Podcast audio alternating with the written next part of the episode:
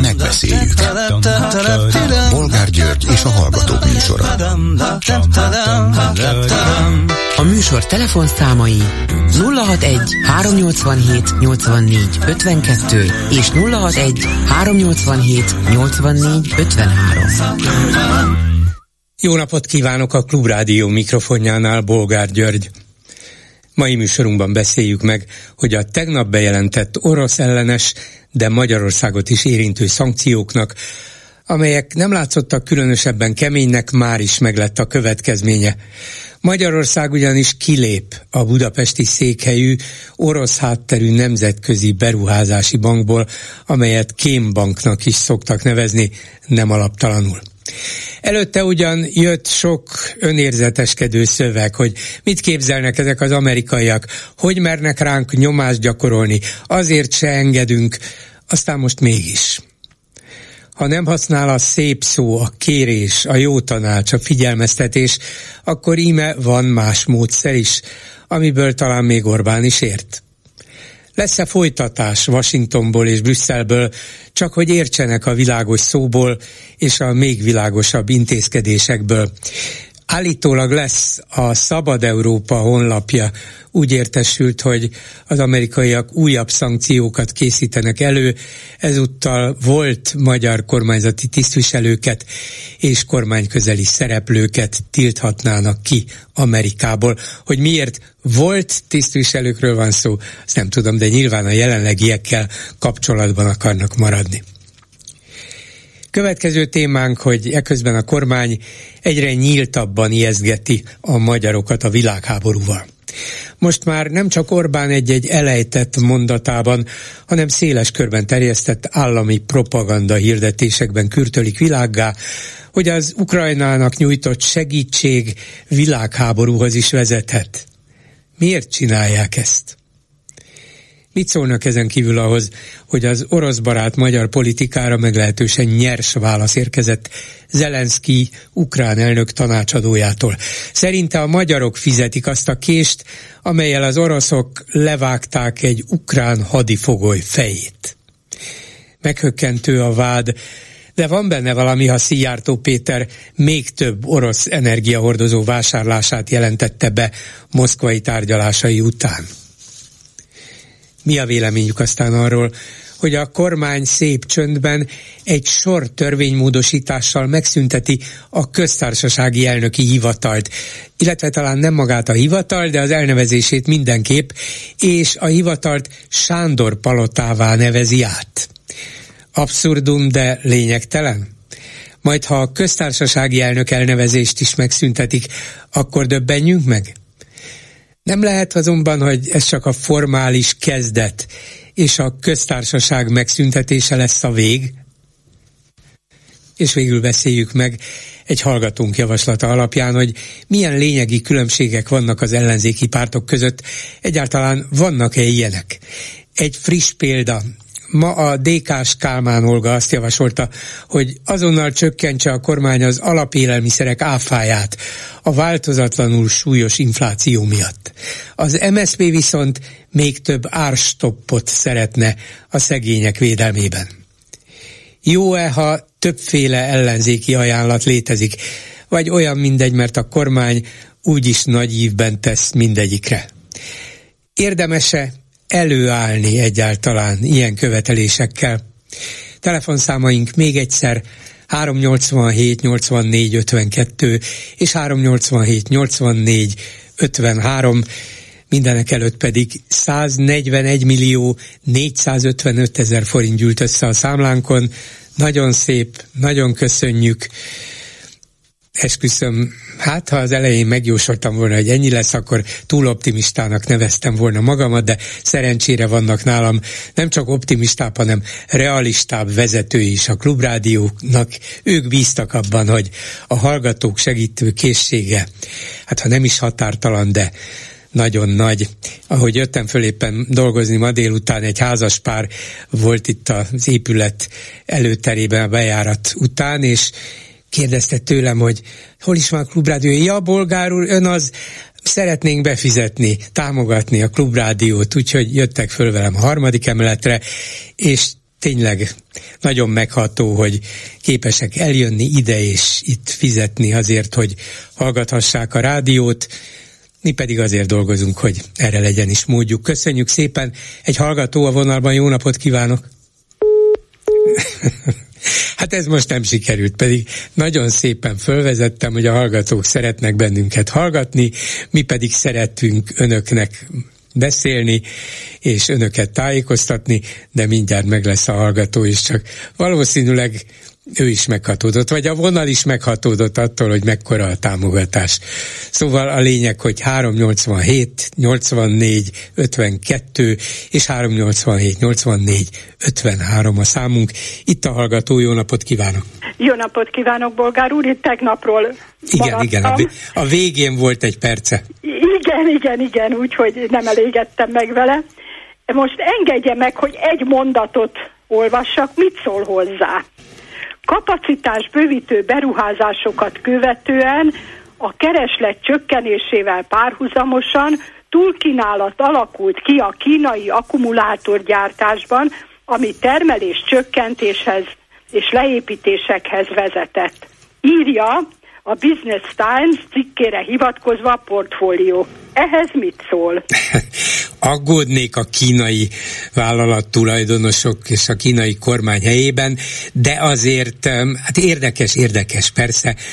Lehetnek Na ilyen... de itt építünk akkumulátorgyárat, mikor ott már nem kell. De, de a, biztos, hogy kelleni fog sokkal több, mert egymás után állnak át a, az autógyárak a, a, az akkumulátoros elektromos autók gyártására. Úgyhogy biztos, ezt azért alaposan kiszámítják kínaiak is, autógyártók is. Na de hát ott most, most bocsájtanak el embereket. Hát lehet, hogy elbocsátanak egy fél évre, mert most nem tudják fölvenni ezt a kapacitást, vagy ezt a nagy termelést az autógyárak, de lehet, hogy másfél év múlva már igen.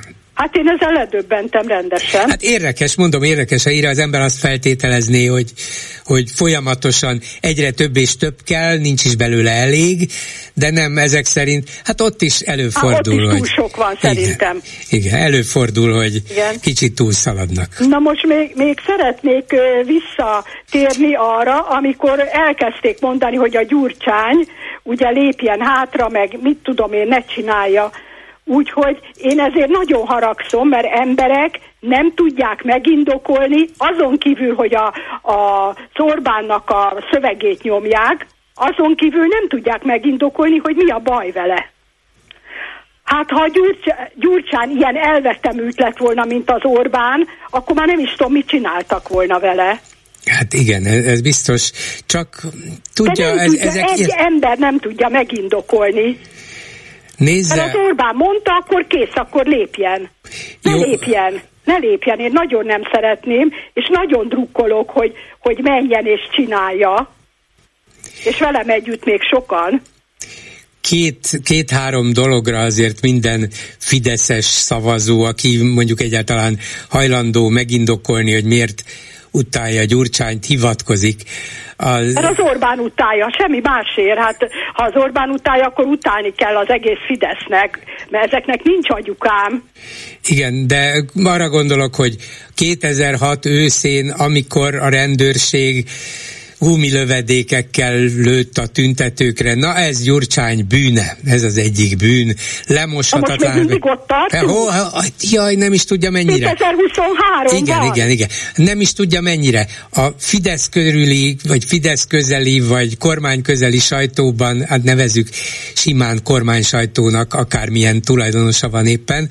Szóval a napokban e, írták meg, körülbelül olyan címekkel, hogy meghalt a Gyurcsány rendőrterror újabb áldozata. Hiszen akárhány év után. Igen, 17 év után meghalt.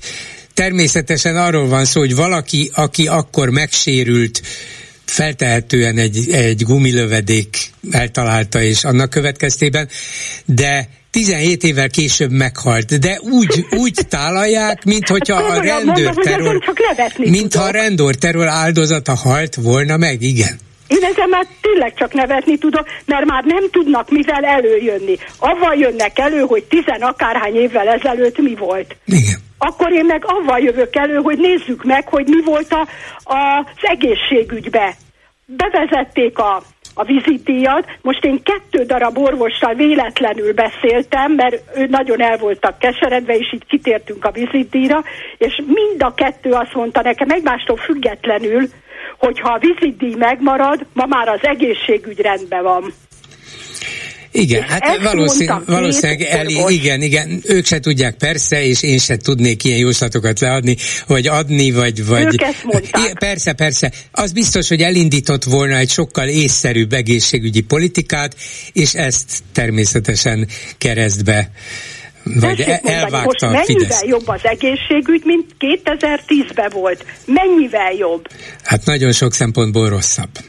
Hát és és akkor itt hivatkozunk, hogy a Gyurcsány micsoda galád módon mit művel? Az ön szembeállítása tökéletes, nem az a kérdés tényleg, hogy mi volt 15 évvel ezelőtt, hanem az a kérdés, hogy mi van most. 13 van. éve ők vannak hatalmon, és egyik gyalázat követi a másikat. Így van. Az oktatástól kezdve mindent elrontottak, mert kormány, ugye nem kellett, olyan időszak volt, hogy nem kellett kormányozni, dőlt a pénz, költötték, kész. Most meg kellene kormányozni, de nem tudnak. Fogalmuk nincs, hogy mit kell csinálni. E, illetve nagy, kívül, nagyon is tudják, hogy nekik kell. jó legyen, azt tudják, hogy ezt akarjuk, ezt is akarjuk csinálni. A fene vigyel, hogy ez az Európai Unió meg a többiek akadékoskodnak itt. Nem, bolgár úr, nem tudják, hogy mit akarnak csinálni. De Fogalmuk nincs. Még több a hatalmat és nem pénzt. akarnak segíteni, ők csak az oligarcháikat akarják tömni, mert nehogy azok ellenük forduljanak. Ennyi van, semmi más. Igen, hát ez biztos, hogy így van. Persze. Semmi más. De ezt tudják, és ezt nem is felejtik persze, el. Persze, hát persze, hogy tudják. Hát annyira nem hülye az Orbán, hülye, de annyira nem hülye. Nem, én azt mondom, hogy nem is hülye. De, nem, nagyon, nem, nagyon, csak, nagyon, nagyon. Csak felelőtlen. És nagyon elszámolta magát most, mert mert én azt egyszerűen nem akarom hallani, hogy Magyarország ilyen. Nem, a magyar kormány ilyen, mert az embereknek legalább a fele nem ilyen. Persze. Nem ilyen, és ez borzalmas hallani, hogy Ameriká, kikezdünk Amerikával, hát nem normálisak ezek. Én azt várom, hogy hadat is üzenünk nekik. hát igen, volt már ilyenre példa, Úgyhogy egyszerűen az a vicc, hogy, közben hogy legalább a, azok a, a Fidesz hívők, legalább ők fognának már vissza egy kicsit ezt az embert. Nem, De hát, most ők érzi nem, magát nem elemébe. Persze, persze, és Mert nekik ez az játszik. ő természete, hogy mindenkibe belerugunk, és csak én vagyok az okos. Mindenkibe belerugunk. És a híveinek ezt tetszik, hogy lám milyen erős és bátor a mi vezérünk, ami miniszterelnökünk, hát igen, még Amerikát is. Így ismerik rosszul, és ezért megy az ország félre, és ezért ez a borzalmas szegénység, meg, meg minden rossz, amit csak el lehet képzelni. Van. Nagyon szépen köszönöm. Köszönöm szépen, viszont hallásra. Viszont hallásra. A telefonnál pedig Lakner Zoltán, politológus, a Jelen című hetilap főszerkesztője. Szervusz! Szervusz, üdvözlöm a hallgatókat! Azért jó a hallgatókkal beszélgetni, mert néha nem néha gyakran vannak jó ötleteik, olyanok, amelyek talán nekem eszembe se jutnak, és aztán gondolom, hogy megszondáztatom a hallgatók körében, meg szakemberekkel is, mint te. Szóval egy hallgató a napokban fölvetette, hogy itt állandóan megy a vita, gondolkodás, húzakodás arról, hogy kell-e, szükséges-e, lehetséges-e az ellenzéki pártok együttműködése, netán szövetsége, hiszen a választási rendszer olyan, hogy külön-külön sok ellenzéki párt csak is kudarcra lehet ítélve, de hát nézzük meg onnét a dolgot, hogy egyáltalán miért ne lehetne, mi az akadály, mik a lényegi különbségek az ellenzéki pártok között, vannak-e olyan lényeges tartalmi különbségek, amelyek ezt az együttműködést, vagy esetleg még annál is szorosabb szövetséget lehetetlenné teszik. Úgyhogy nézzük meg úgy általánosságban, hogy szerinted vannak-e ilyenek? Először is úgy tűnik, hogy az ellenzéki pártokat még a választóiknál is jobban traumatizálta a 2022-es vagy 2021-22-es együttműködési kényszer és a közös listás indulás. Én iróniával a hangomban mondom, mert azért nekik mégiscsak az lett volna a feladatuk, hogy ezt a közös listás indulást a lehető legzökkenőmentesebben kivitelezzék. és az egymásra mutogatásnak az a következménye, hogy szinte ilyen hangos fellélegzéssel szétváltak egymástól, és ezzel folytatták azt a pulzálást, amit meg lehet figyelni 2010 óta, tehát hogy a különböző ellenzéki szervezetek, amelyek között vannak folyamatosan jelenlévők, vannak újabbak, vannak kiesők, azok hol együttműködnek, hol elválnak egymástól, és amikor ilyen elválási időszak van, akkor rendszerint arra hivatkoznak, hogy nekik most nagyon fontos dolguk, hogy megtalálják önmagukat, hogy kifejezésre juttassák azt, hogy ők tulajdonképpen miért is léptek be a politikába, meg kell ismerniük újra saját magukat, hogy mit képviselnek, és hogyha majd ez megtörténik, akkor ennek a biztos identitásnak a bázisán lesznek arra alkalmasak, hogy hát egymással leüljenek beszélni, mert hogy akkor tudják, hogy ki miben engedhet, vagy ki miben tud alkut kötni a másikkal, mert hogy addig azt tisztázza a saját magával kapcsolatban, hogy ő kicsoda. De az, az embernek az jut eszébe, hogy most a vállás időszaka elég elhúzódó vállás ez. Ha nem is olyan látványos veszekedésekkel, de beszólogatásokkal.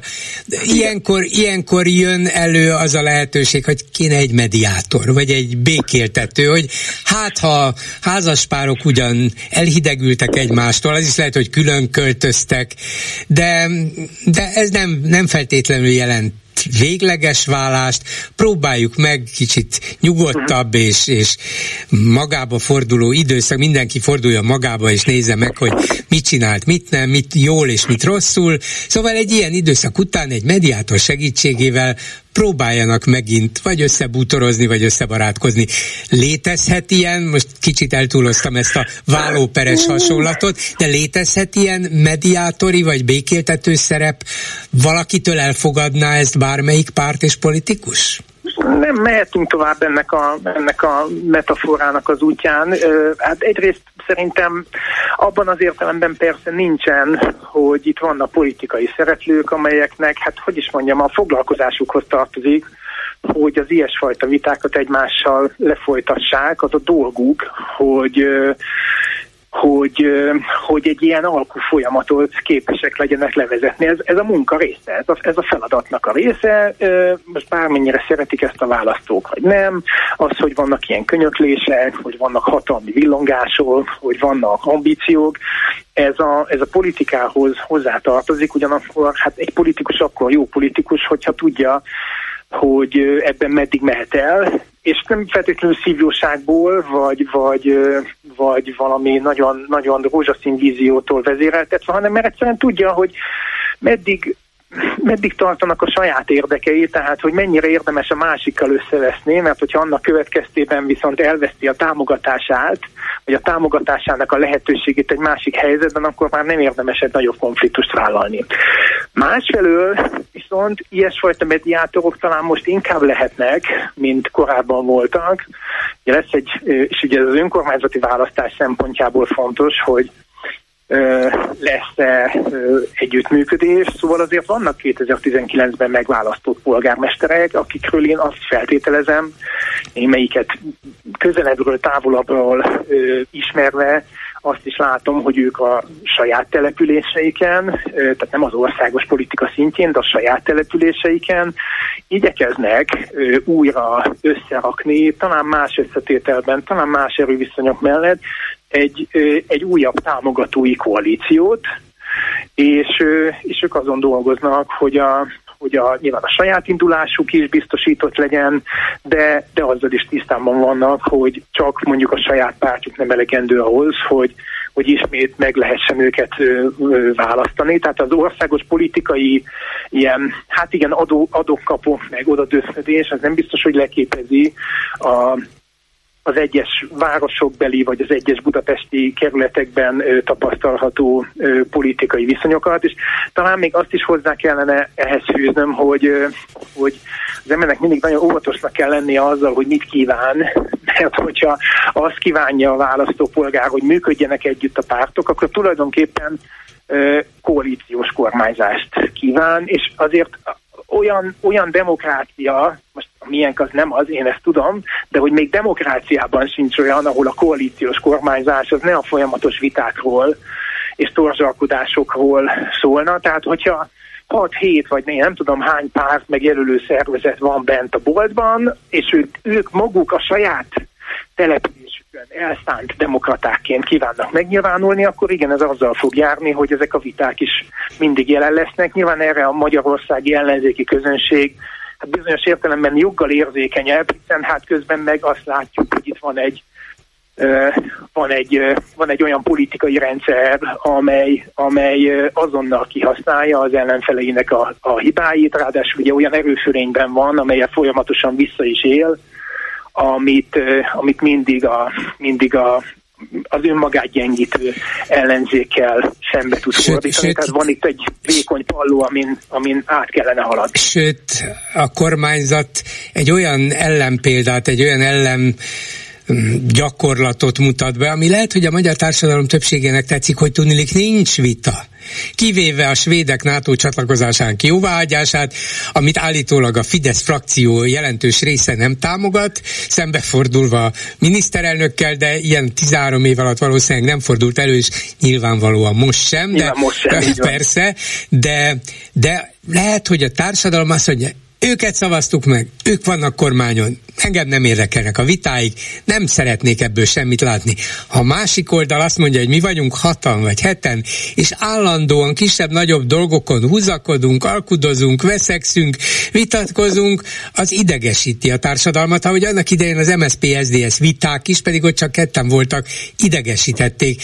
Nem lehet, hogy valahogy úgy vagyunk szocializálva, hogy jobban elfogadjuk, még ha diktatórikus jellegű is, elfogadjuk. Ő vezet, ő dönt, pofa be. Hát de talán még pofa be nélkül is elmesélhető ez a történet, tehát az, hogy egy politikai oldalnak legyen vezetője, ez megint csak azt mondom, ez a legdemokratikusabb országokban is, vagy a legelkötelezettebben demokratikus pártokban is azért egy jogos igény, alapvetően azért is, hogy világosak legyenek a felelősségi viszonyok, hogy ne lehessen állandóan másra mutogatni, hogy ki mit rontott el, és, és egyértelmű legyen, hogy, hogy kiviseli a, a, a végső döntésért a, a felelősséget. Másfelől ugye az a helyzet, hogy ezt a dolgot, tehát hogy legyen egy vezető, akire ennek a kormánykritikus közveleménynek a nagy része fel tud nézni, el tudja fogadni, minimum el tudja fogadni, és hajlandó legyen, vagy akár szívesen legyen hajlandó követni, szóval, hogy ez az, ami, ami egy ilyen kívánságra nem teremtődik meg. Szóval ez nem azon múlik, hogy a pártok mennyit veszekszenek egymást, egymással, vagy nem csak ezen múlik, ez nagyrészt a választókon múlik. Szóval, hogyha ők látnak olyan vezetőket, akik, akik alkalmasak arra, vagy látnak egy vezetőt, akik alkalmas arra, hogy ennek az oldalnak a, az irányítója legyen, hát akkor az ő pártjára kell szavazni, vagy azt a, azt a vezetőt kell mindenben támogatni, és a többiektől meg kell vonni a támogatást.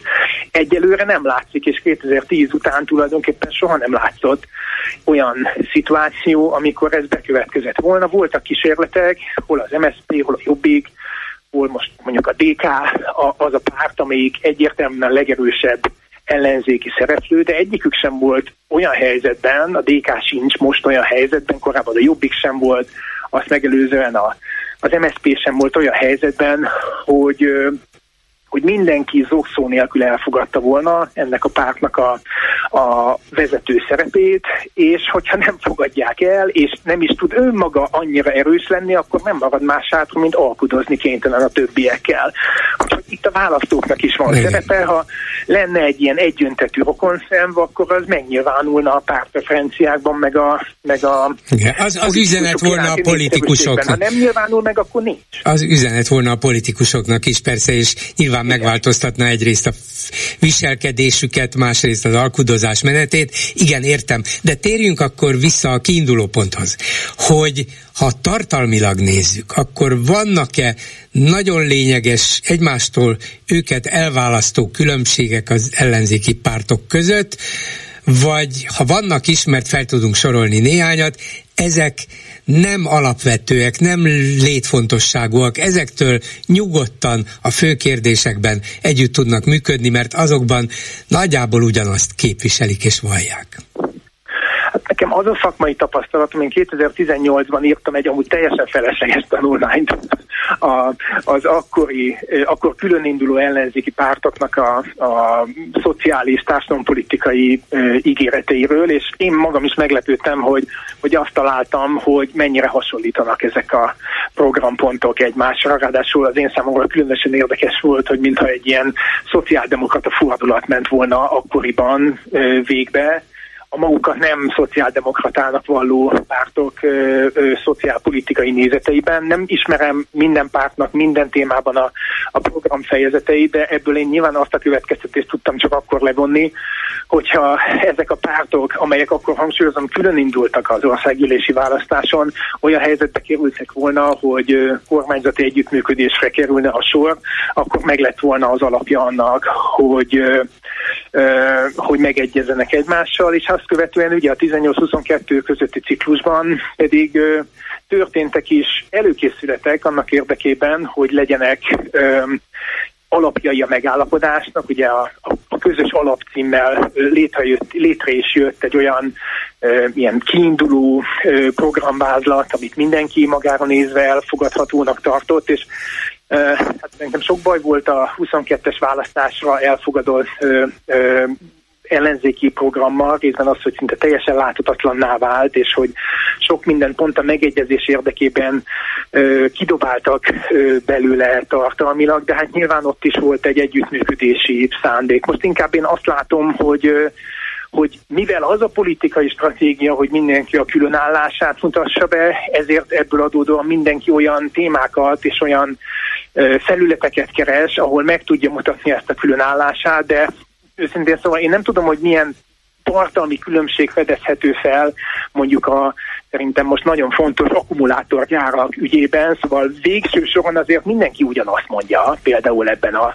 témakörben, csak van, aki mondjuk a munkavállalók jogairól beszél, van, aki azt próbálja demonstrálni, hogy lehet-e egyáltalán társadalmi részvételt ö, létrehozni az országban, hogyha nem, ö, nem mennek át a népszavazási kezdeményezések, mások pedig kifejezetten a környezeti károkra koncentrálnak.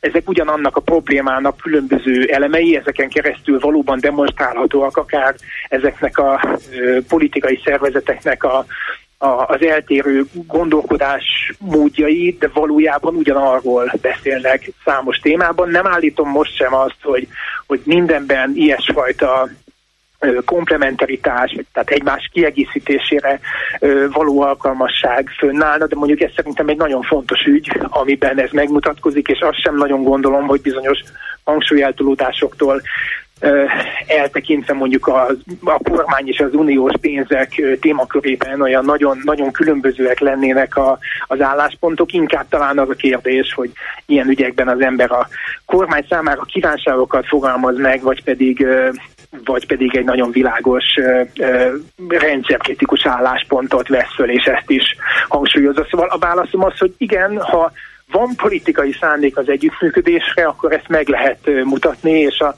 az én várakozásom azért végsősorban mégiscsak az, hogy, a, hogy az önkormányzati választáson ez, ez meg fog mutatkozni.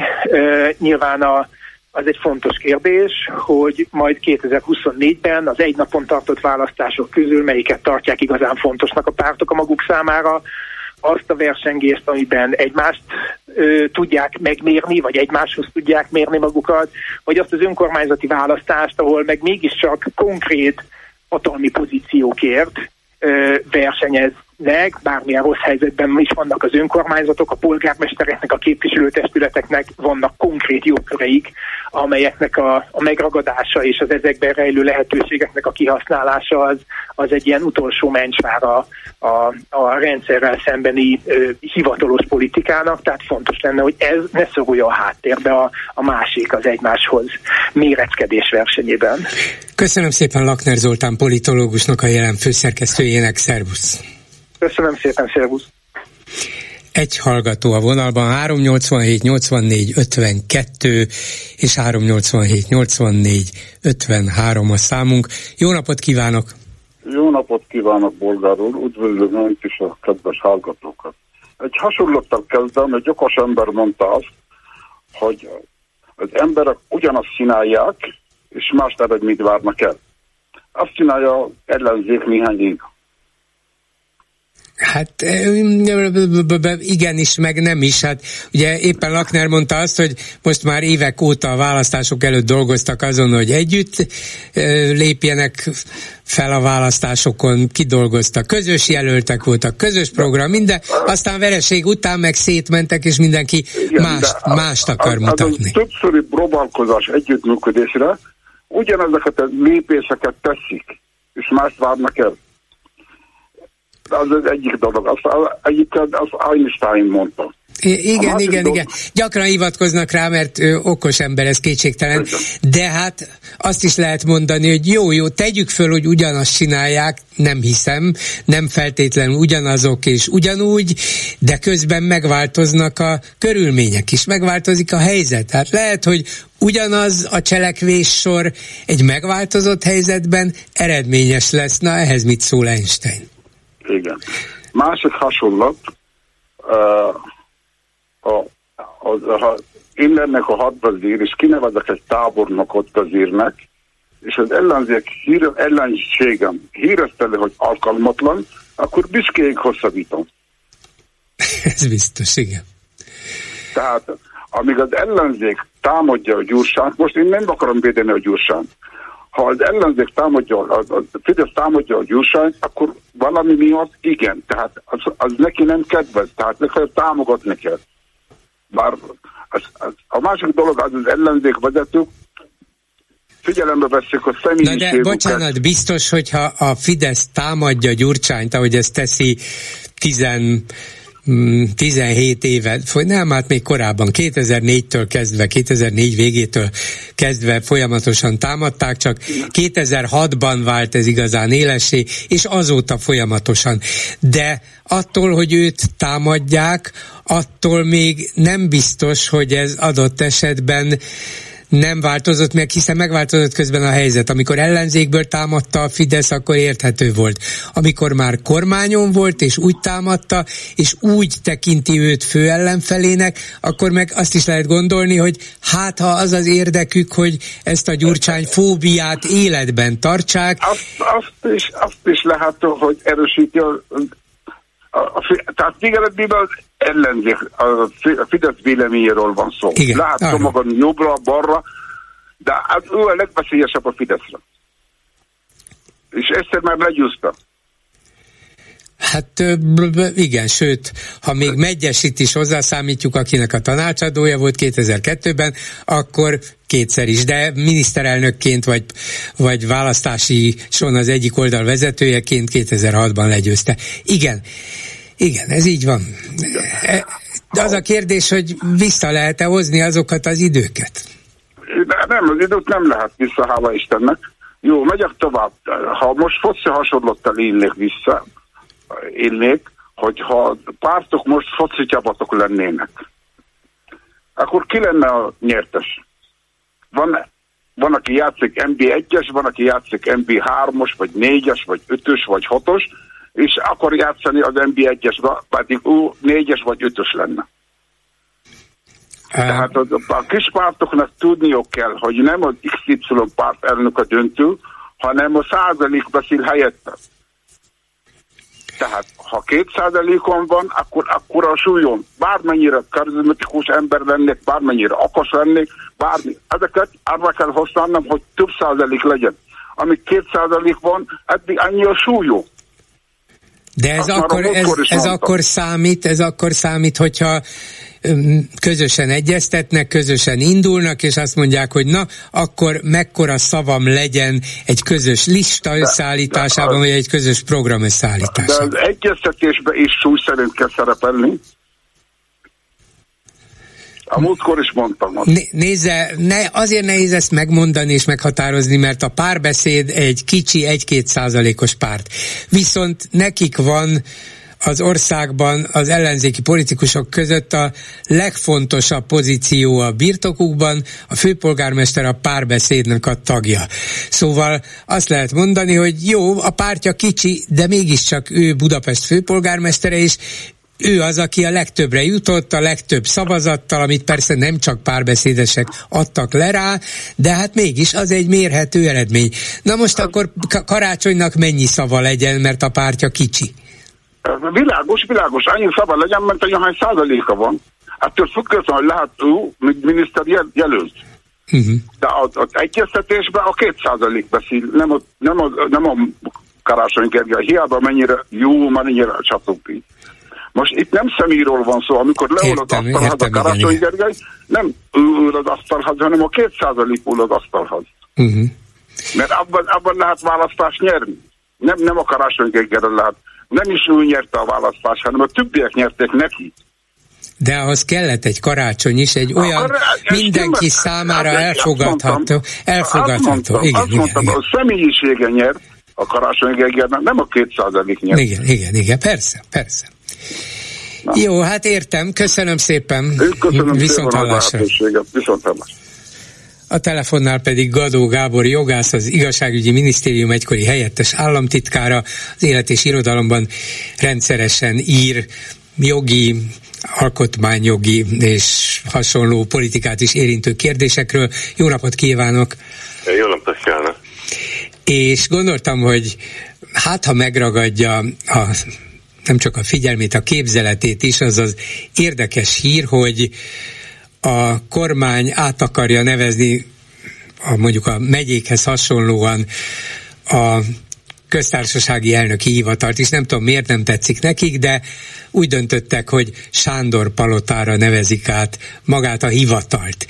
És ez már önmagában elég furcsa, és igazán érthetetlen. A Vármegyének még van bizonyos történelmi alapja, de a Sándor Palota az Sándor Palota, a köztársasági elnöki hivatal pedig mégiscsak elnöki hivatal, de mindegy, annyira így van ez, hogy közzé is tették az erről szóló törvénytervezetet, és ott egy csomó törvényben kénytelenek végrehajtani ezt a módosítást, amiben szerepel a köztársasági elnöki hivatal, ott át kell vezetni ezt a megfelelő helyen, Sándor palotára.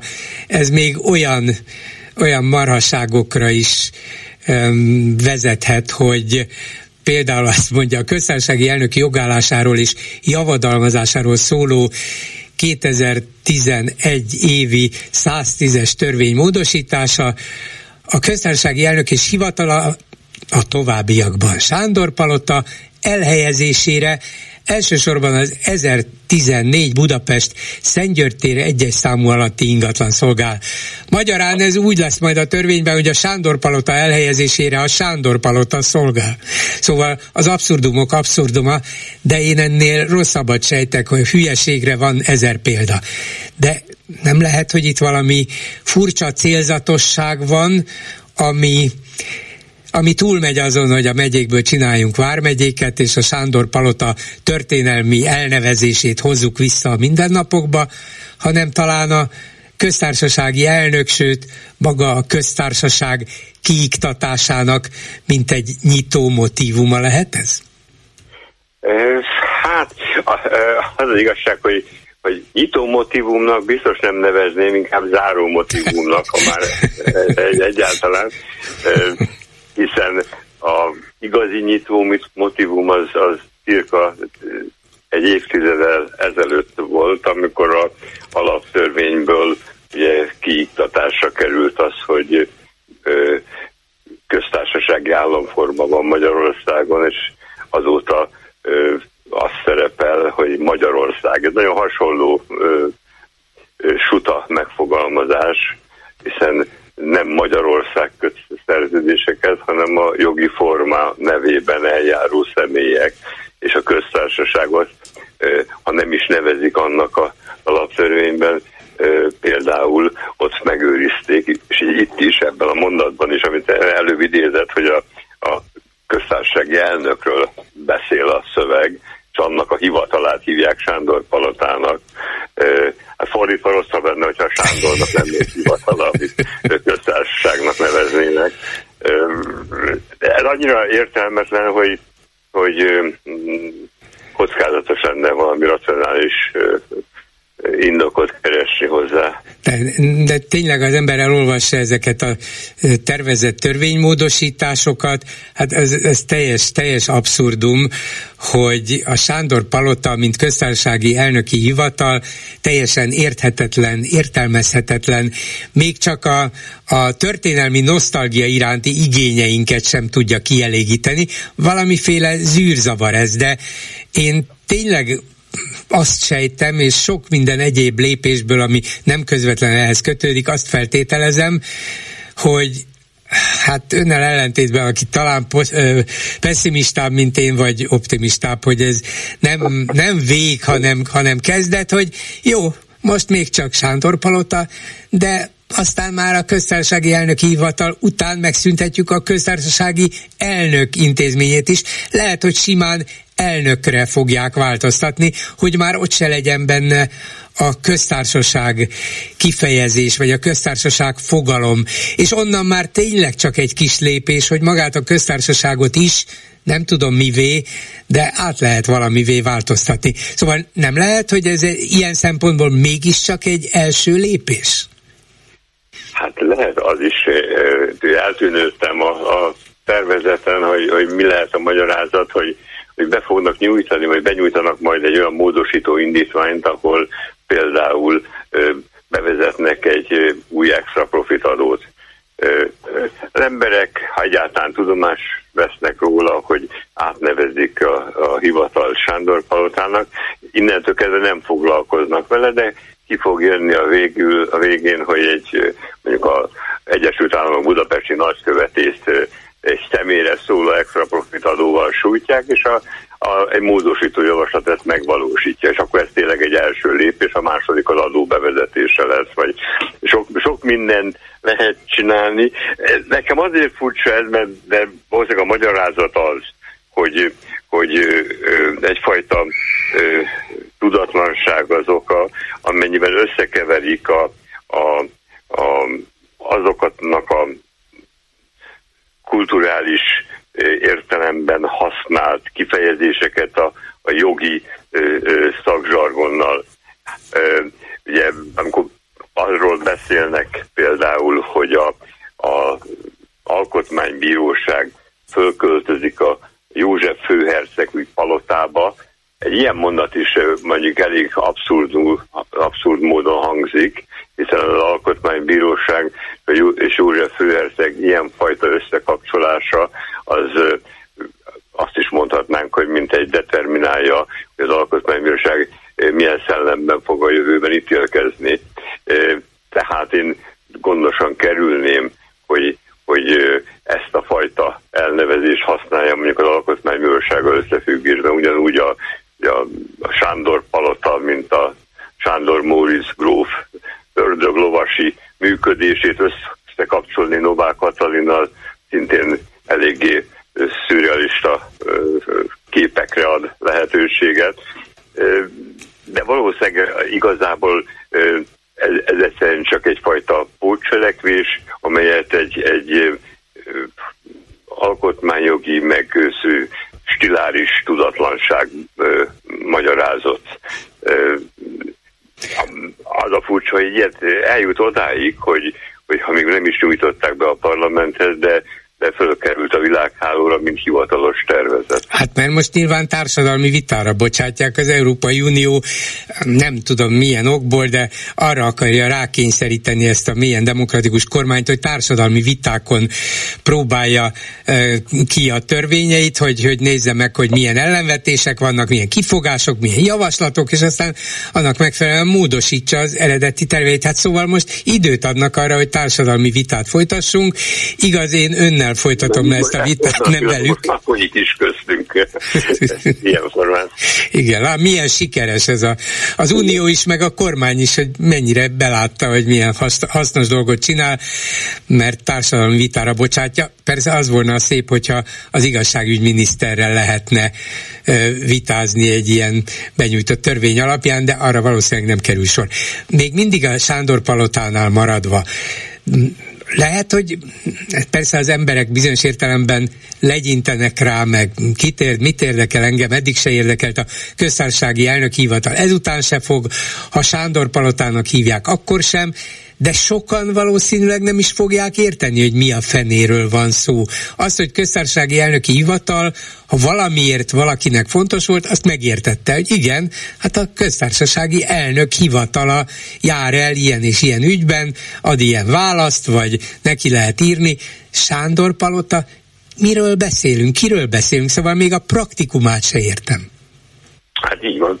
A, ha a szövegírója következetes lenne magához, akkor, akkor nem azt mondaná, hogy a köztársasági elnököt feladatainak ellátásához hivatal segíti, és utána jön a hivatal elnevezése Sándor Palota, hanem akkor úgy kellene fogalmazni, hogy Novák Katalin feladatainak ellátásában a Sándor Palota segíti. És akkor, akkor a mondat teljes egészében tisztán két névről szól, senkinek eszébe nem jut az, hogy itt van köztársaság, van köztársasági elnök, Novák Katalin van és Sándor Palota. Igen. Nekem ez lenne a, a módosító javaslatom mondjuk a, ehhez a tervezethez, akkor legyünk következetesek, nem kell, nem kell. És természetesen Novák Katalint választaná meg öt évre a, a parlament, és nem a köztársasági elnököt.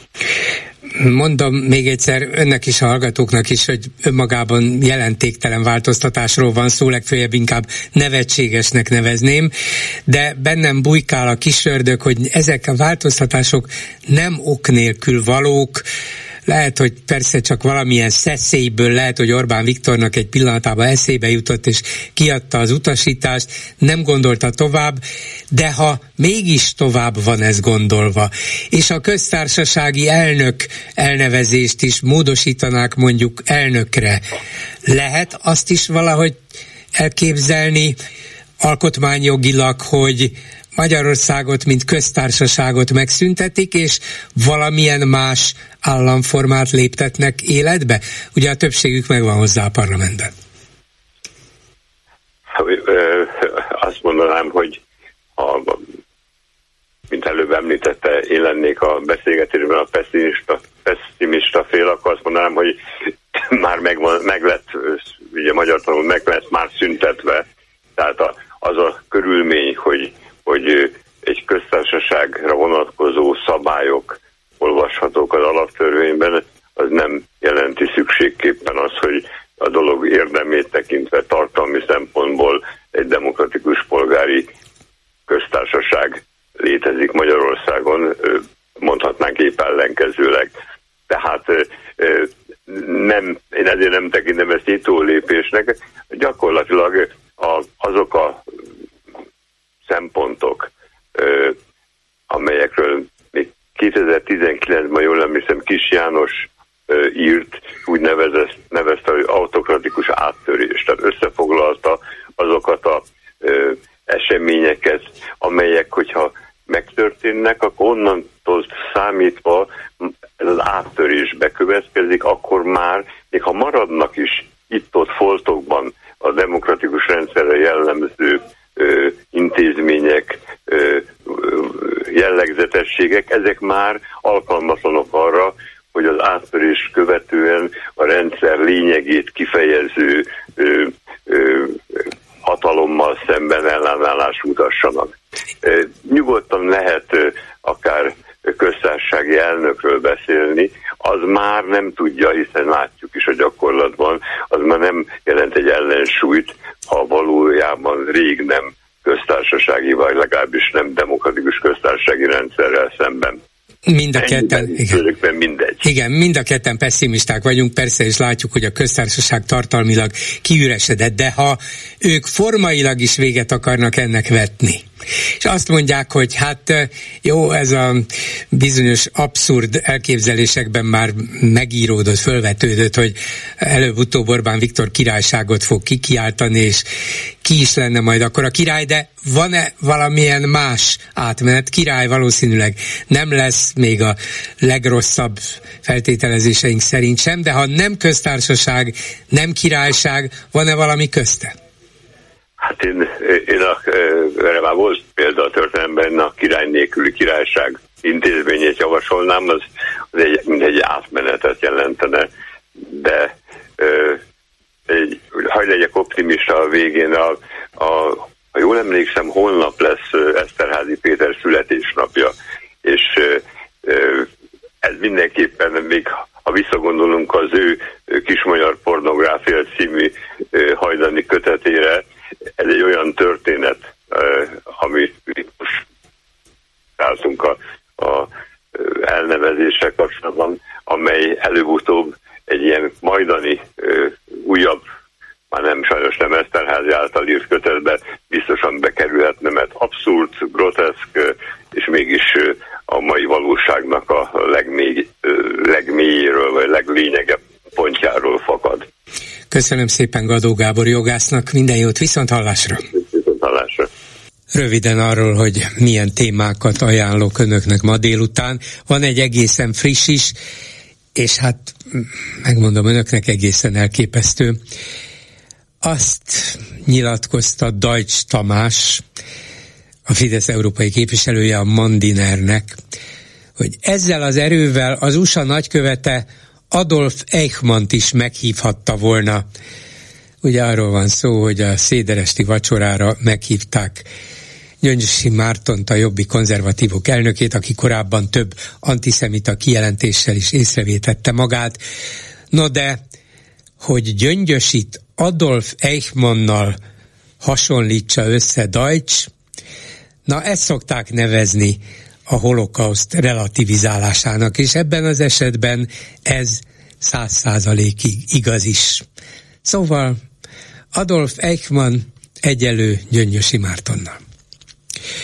De van más is, ugye a tegnap bejelentett orosz ellenes, de Magyarországot is érintő amerikai szankciók nyomán a magyar kormány bejelentette, hogy kilép az orosz Kémbankból, a budapesti székhelyű nemzetközi beruházási bankból. Ezek szerint az amerikai nyomás, ha keményebb, ha érzékelhető, ha konkrét, akkor mégiscsak valamilyen célt ér. Nem elég figyelmeztetni, kérni a magyar kormányt, tanácsokat adni neki, nem? Nem ezeket mind visszautasítják, visszadobják, felháborodottan, de ha valami intézkedés is következik, ja, hát akkor, bocsánat, akkor megszüntetjük. Vagy legalábbis a részvételünket megszüntetjük benne, hogy megmarad-e a bank, hát azt azért erősen kétlem aztán közben egyre jobban ijeszgeti ugyanez a kormány a magyarokat, a magyar társadalmat azzal, hogy világháború jön, most országos hirdetési kampányt kezdtek, és azt állítják benne, hogy az Ukrajnának nyújtott segítség világháborúhoz is vezethet. Miért ijesztgetnek bennünket? Mi a céljuk vele? Közben Zelenszky ukrán elnök tanácsadója is visszaszólt. Szerinte az orosz barát magyar politikára lehet a felelősséget terhelni például olyan ügyben is, hogy hát legalábbis részben, hogy az oroszok kivégeztek egy ukrán hadifoglyot, késsel levágták a fejét, és a tanácsadó szerint, tehát borzasztó még kimondani is, tanácsadó szerint a magyarok fizetik a kést, mégpedig arra célzott, hogy mi egyre inkább elköteleződünk az orosz, orosz energiaimport mellett, vagyis finanszírozzuk az oroszokat, ők finanszírozni tudják a hadseregüket, és ennek ilyen szörnyűségek is a következményei lehetnek. Formálisan igaz, de azért elég meghökkentő a következtetés. Van-e benne valami? Átnevezik Sándor Palotára. A köztársasági elnöki hivatalt nekem. Az a félelmem, hogy előbb, előbb-utóbb a köztársasági elnökből is csak sima elnök lesz, köztársaság nélkül, igaz, hogy már az is csak egy formalitás a köztársaság, és megbeszélhetjük azt is, hogy van-e lényegi különbség az ellenzéki pártok álláspontja között a legfőbb kérdésekben. Lakner Zoltánnal beszéltem egy órával ezelőtt, szerinte nincs. 387 84 52 és 387 84 53 a számunk. Háló, jó napot kívánok! Jó napot kívánok! Parancsoljon, hallgatom. Uh, István vagyok. Uh, ehhez a Sándor Palota ügyhöz szeretnék szólni, mert itt nem a név a lényeg. Én úgy látom, hogy Orbán most már jó hónapok, vagy talán évek óta minden lépését abba az irányba teszi, hogy ő Magyarországon koronázott király legyen. Erről szól a Sándor Palota ügy is, meg a köztársaság kifelejtése a, a alaptörvényből, és így tovább. El tudja tényleg képzelni, mert viccben elmondtuk ezt már százszor, ezerszer, hogy hát a vége az lesz, ha-ha-ha, hogy Orbán Viktor megkoronáztatja magát, de, ez így van, de, az de, lesz, de az komolyan, lesz. komolyan el tudja képzelni, hogy ez megtörténhet? El tudom képzelni. Hát ezek mindent megtesznek. Szarik ő mindenre, már elnézést a szóért. Hát lehet, hogy a nép egy része boldog lenne attól, hogy végre királya van, hát és ezt a király... az a része, Igen. amelyik hűbéres. Igen. Igen, hát az a döbbenet, hogy már nem tudom teljes meggyőződéssel azt mondani önnek, hogy ez lehetetlen. Nem tudom. Nem lehetetlen. Irányba lép. Hát ahogy hívják, és nem csak a, a állampolgársági megnevezésekbe, hát a, most ugye elkezdték, hogy majd ők osszák a kasztélyokat meg a várakat. Igen. Hát ez a ősi királyi jog volt. Minden kasztélyt meg várat a királyok osztottak szét ezt most ő már rá akarja tenni a kezét, hogy őnek ehhez joga van. Nem tudom miért, azért, mert ezt akarja. És nem csak ebbe az irányba mozog, hanem a papság irányába is. Hát nem véletlen volt, én szerintem az se, hogy ö, közelmúltban az egyik hajnali misére elment egy katolikus templomba. Hát persze, hogy nem Mert volt ő nem véletlen. lehet, mint evangé- vagy református, ő nem lehet koronás király. Aha. Koronás király csak katolikus vallású ember lehet. Hát ezt meg el lehet intézni. De talán hallotta egy negyed órával ezelőtt azt a jogászt, akit megkérdeztem erről, és azt mondja, hogy hát lehet, hogy nem királyságot állítanának vissza, hanem király nélküli királyságot, és akkor Orbán Viktor mondjuk kormányzó lehetne, ahhoz pedig tulajdonképpen mindegy, hogy milyen vallású. Én, én azt mondom, hogy ö, ő király akar lenni méghozzá koronázott király. István király uh-huh. koronájával akarja megkoronáztatni magát. Nem véletlenül dörgölőzik a pápához. Jön most ugye nem soká ide, de már ő is volt ott nála. Ö, igen, persze, persze. De, tényleg nem látok Orbán fejébe, de, de bármi megtörténhet. Minden lépés ebbe az irányba mutat. Igen, igen. Hát azért, hogyha ez megtörténne, szerintem kínunkban röhögnénk, nem? Legalábbis, legalábbis, és csak utána kezdenénk el sírni, hogy Istenem, hova jutottunk. De én minden esetre er, erre felé. Mondok hozzá, hogyha ö, ilyen király lesz, mint amilyennek most viselkedik, a népét letaposó, utáló, akkor bajba lesz. Sok király vérpadon végezte. Köszönöm szépen, hogy megosztotta velünk a Hát, mit mondjak, reméljük, hogy rémképeit, és nem lesz belőle valóság. Minden jót viszont hallásra! A vonalban pedig Székely Árpád volt moszkvai nagykövet, energetikai szakértő. Jó napot kívánok! Jó napot kívánok, Bolgár úr! Nagykövet úr, a, a magyar külügyminiszter nagyon sűrűn jár Moszkvában. Nem is tudom, hogy normális békeidőkben előfordult-e, hogy egy év alatt négyszer járt az orosz fővárosban magyar külügyminiszter. Emlékszik ilyenre? Nem, nem. Szerintem még a szocialista időkben sem. Igen, igen. Hát egy év alatt Mármint négyszer...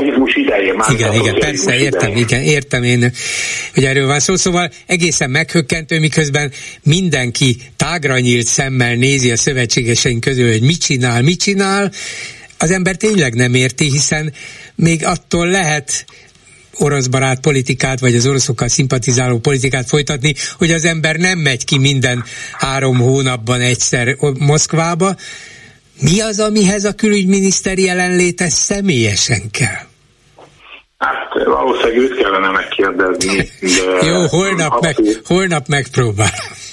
Jó, tehát nyilvánvalóan indokolatlan, tehát nyilvánvalóan, tehát ilyen szempontból indokolatlan, nincs olyan kérdés, Ugye itt most a, az egyik főszál az energetikai kérdés volt, hogy Paks 2-ről állítólag szerződés módosítást készítenek.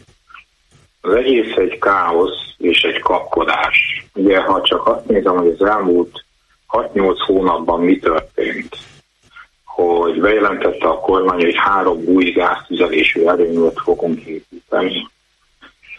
Közben leállították a naperőművek betáplálási lehetőségét a közszélú hálózatba.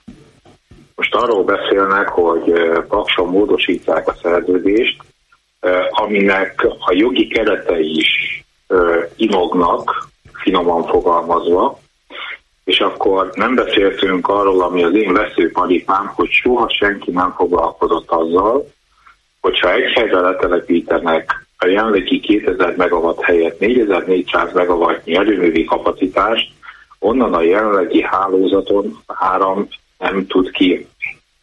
Ugye az áram mindig a legkisebb ellenállás irányába megy.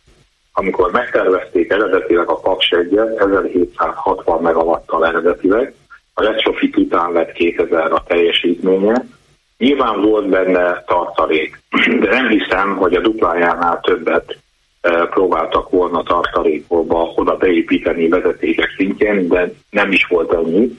De az is ezer megavattal kevesebb, mint amit most oda terveznek. De magyarán azt jelenti, hogy az erőmű mellett meg kell építeni, gyakorlatilag át kell építeni a teljes magyar villamos hálózatot.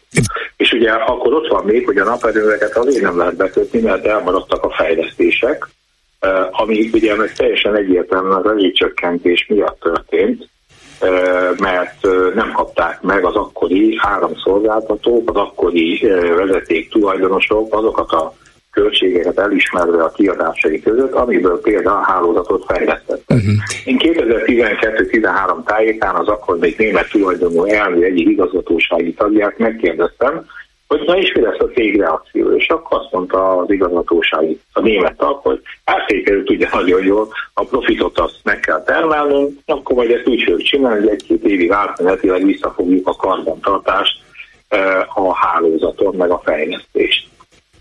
Amit persze tudunk, hogy egy-két évig kibírja a hálózat, még talán négy-öt évet is kibír, de tizet már nem és ez most rúg vissza. Van arra valamilyen elképzelése, becslése, vagy vannak becslések az energiaiparban arról, hogyha tényleg mondjuk az új blokkok megépítésével a jelenlegi vezetékhálózat nem bírja, hát látjuk, hogy a napelemeket se bírja, a betáplálás se bírja, hát még egy ilyen hatalmas plusz beruházást, akkor az milyen összeget emésztene föl? Itt nem csak arról van szó, hogy ez mekkora nagy kapacitás, hanem hogy ez egy helyen van. Igen. Tehát mert a naperőműveket szétszórjuk az országban, tehát ott az, hogy hálózatos fejlesztés. Nem, nem, nem egy helyen van. terhel, nem egy helyen terhel, ott viszont igen. igen. De ez egy nagyon bonyolult feladat, mert itt egy, egy nagyon bonyolult hálózatfejlesztést kell megtervezni. Egyébként a kérdésére a válasz milliárd eurós a nagyságrend. Nem egy milliárd, nem 10 milliárd, de milliárd eurós nagyságrend. Tehát valahol 2, 3, 4, 5 milliárd is lehet ez a fejlesztés, plusz ez arra rá. És ugye akkor itt jön még az, még egy újabb téma, hogy eredetileg úgy volt, hogy a régi paksi blokkokat 2032, 34, 35, 37-ben vezetik ki. Na de most arról van szó, hogy már ott is újabb élettartam hosszabbításról beszélnek. Tehát ez egy olyan konfúz energiapolitika, amihez természetesen Szijjártó Péter semmit nem ért, ezért a semmit nem tudok változóságával tárgyalni Paks 2-ről, meg mondanak olyanokat, hogy nem lehet fönntartani a rezsicsökkentések. Könyörgöm, most sincs Paks 2, hogy tartják fönt a rezsicsökkentést? A Paks 2, ha megépül. Egyébként szerintem én továbbra is azt mondom, amit 9 éve mondok, hogy ez nem fog megépülni, ebben a formában lehetetlen megépíteni, nincsenek sem gazdasági, sem műszaki, sem sok minden más alapja nincs meg, hogy csak uh-huh. a vízhűtésről emeljek föl egy kérdést. Tehát millió ilyen kérdés van a hálózaton túl is. Tehát ez egy abszolút megalapozatlan projekt. Lehet kompromisszumokat találni. Én abszolút nem azt mondom, hogy atomellenes vagyok. Valóban az országnak korlátozottak az adottságai, de nem így hűvele Balázs módjára, puff, oda teszünk egy nagy valamit, aztán nem tudjuk, hogy mi lesz a következménye, milyen áron, tehát semmit nem tudunk róla. Akkor nézzük azt a részét, amit tudunk, és az szinte semmi. De annyit igen, hogy megint ugye Moszkvában tárgyalt a napokban, tárgyalt a Rosszatom vezetőjével is, és aláírtak egy szerződés módosítást, amit aztán engedélyeztetni kell Brüsszellel. Én hogy, tudom, ez... hogy nem írták alá a szerződés módosítást, én olyan szöveget olvastam, hogy a jogászok dolgoznak Aha. a végső szövegezésen, és majd utána. Egyébként Értem. azt is megkérdőjezem, hogy e, Szijjártó Péter milyen alapon ír alá ilyen szerződést. Van rá kormány, parlamenti felhatalmazása? Hát biztos. Hát ez egy olyan horderejű. Én szerintem itt arról van szó, hogy valamilyen fajta elvekben megállapodtak, amiket most a kormány mai döntése az jó keresztbe is mutatja azt, hogy a jogi alapok inognak, tehát szövegezésről beszéltek. Mm, nem értem, értem. Va- valamit ott aláírtak, az biztos, de lehet, hogy csak az elveket írták alá, de a lényeg az, hogy... Maga... írták alá, hogy lehet, igen. igen. szóval a lényeg az, hogy viszont Szijjártó azt nyilatkozta, hogy akár van, akár lesz ilyen szerződés, módosítás, el kell vinni Brüsszelbe, és ott jóvá kell hagyatni, de milyen jellegű vált, milyen szerződésmódosítás lesz, vagy lehet az, amit Brüsszelnek engedélyeztetnie kell, hiszen egyszer már jóválták a Paks 2-t, ehhez képest, hogy ez többe kerül, vagy kevesebbe, néhány évvel előbb vagy később készül el. Ezek ugyan fontos kérdések, de nem feltétlenül kell hozzá Európai Uniós jóváhagyás. Mihez kell? Hát ugye itt kulcskérdés az, hogy kell ehhez valamilyen fajta szubvenció ugye? Mert jó lenne látni, egyébként ugye az, az, az a hatásvizsgálat, ha egyáltalán volt, vagy az a feasibility study, az a megvalósíthatósági tanulmány, ami 9 évvel ezelőtt elkészült, az körülbelül annyit ért, mint ami arra, ami a papírra kinyomtatták, ma túltépett rajta a világ. Tehát teljesen tektonikus mozgások indultak meg az egész energetikában, tehát én nekem borzalmas kétségeim vannak afelől, hogy az az eredeti hatástanulmány, az eredeti fizikai megállná ma is a helyét a mai jelen valósággal szemben. De visszatérve erre, ugye a kérdés az, hogy ha az oroszok nem tudják finanszírozni, hogy fölmerülhet az is, hogy az oroszok nem tudják folyosítani az általuk vállalt hitelt ehhez a projekthez. Igen. Akkor milyen forrásból történik ennek a finanszírozása? Abban a finanszírozásban milyen ára kalkulálnak hosszú távon? Az kell-e ahhoz szubvenció? Ha szubvenció, akkor rögtön ugye Brüsszel is itt jöhet be a játékba az, hogy igen, valamilyen szubvenciót akarnak beépíteni, valamilyen indoklással, akkor az Brüsszel. De millió más kérdés is lehet még ugye a beszállítókkal kapcsolatban, hogyha azokat megváltoztatják. Nem tudhatjuk, de azért ezek nem olyan kérdések, amiket csak úgy benyújtunk, aztán tovább siklunk fölötte. De hangsúlyozom még egyszer, az egész magyar energiapolitikában egy hatalmas káosz kezd kialakulni. Én nagyon sajnálom Lantros Csabát, mert ebben a, ebben a bozótosban egy normális energiastratégiát kialakítani jelenleg a jelenlegi állapotok között ilyen gondolkodásmóddal, ilyen hebehúzja módon való cselekvésekkel lehetetlen.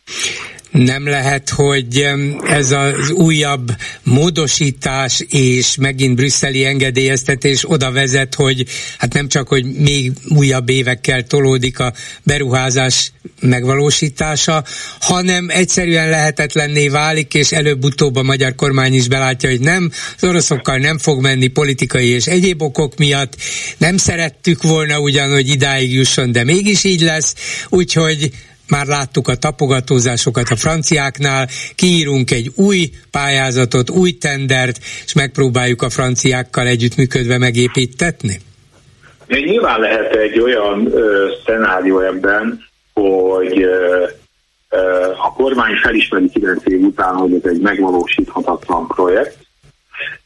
Ugye azt nem lehet mondani a szerződés szerint az oroszoknak, bár nem tudjuk, hogy a, abban a szerződésben, ami jelenleg hatályos, abban mi van, de azt gyanítom, hogy nem lehet mondani nekik, hogy ott elment a kedvem, vagy megváltoztak a körülmények. Bár ha megváltoztak a körülmények, az jogi kategória lehet, tehát hogyha gyökeresen megváltoznak a piaci körülmények, akkor az lehet egyfajta indok a felmondásra, és én felmondom. Ha nem, ezzel szemben keresnek egy olyan jogi ügyet, hogy a jelenlegi szövetségi betagozódásunk, a jelenlegi szabályozás, európai szabályozás ezt a projektet ellehetetleníti, de nem mi mondjuk ki, hanem mondja ki ez Brüsszel, és ezek a, a, ennek alapján fölmondjuk a szerződés, vízván abban, hogy az oroszok nem fognak tudni semmilyen fajta kártérítési pert velünk szemben megnyerni, amire jelenleg azért nagyon nagy esélyünk van, mert nem hiszem azt, hogy adódik olyan nemzetközi döntőbíróság, amelyik a jelen helyzetben egy ilyen felmondás esetén az oroszok javára döntene bármilyen kártérítési kérdésben. Elég baj az, hogy elköltöttünk feleslegesen sok-sok száz forintot már erre a projektre. Köszönöm szépen Székely Árpád volt moszkvai nagykövetnek, energiaipari szakértőnek. Viszont hallásra! Viszont hallásra! Háló, jó napot kívánok! Jó napot kívánok, azt hiszem én vagyok most vonalban. Igen, parancsolja. Kocsis András vagyok. Ja, szervusz András, parancsolja. Szervusz, szervusz. Hát elhűve hallgattam ezt a Sándor Palota ötletet. Engem 20 évekkel ezelőtt nagyon foglalkoztatott az épület története, hisz ugye a Horn kormány alatt a Baja miniszterségével vezetett környezetvédelmi minisztérium kezdte el a felújítás, majd ez megrekedt. Én nagyon örültem, amikor végül is úgy döntöttek, itt már Orbán kormányról beszélünk, hogy az épületet azt felújítják. Ámbátor. Ahol meghallottam ezt a hírt, én nem tudom eldönteni, hogy tréfálnak, vagy ennyire hülyék. Ugyanis hát aki egy picit ismerni a Sándor Palota történetét, eszébe nem jutna, hogy a ördög lovas által fémjegyzett épületet újra Sándor Palotává nevezzék, különösen, hogy a köztársasági elnöki. De nézzük hogy, hogy ez a köztársasági elnöki hivatalt jelentse, tehát persze, magát a hivatalt, tehát lehet akkor ördöglovasnak igen, fogják Igen, igen, igen, csak két dolog történhetett, vagy totálisan tudatlanok, ajánlom Székely Sándort, talán az ő kutatócsapata ezt nyilvánvalóvá tette volna számukra, vagy teljesen tudatosan, hiszen ezek szerint van egy tényleges ördöglovasunk, csak nem a lovával ugrat, hanem ugratja az egész Európát, meg minket. Na de nézzük. Az épületet 1803-ban kezdték el építeni, három év alatt húzták fel. A családfőt úgy hívták, hogy Grós Sándor Vince, ők Budapest szerte híresek voltak, mert egy elmebeteg módon külön családról volt szó. Miket csinált Vince gróf?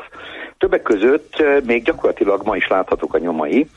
A Sándor Palota és a Vászínház között az első emeleten húzatott egy folyosót, mert nagyon idegesítette, hogy a feleséget cipője esetleg sáros lehet, miközben átmegy a színházba, és ez nem vicc, ez tényleg így történt.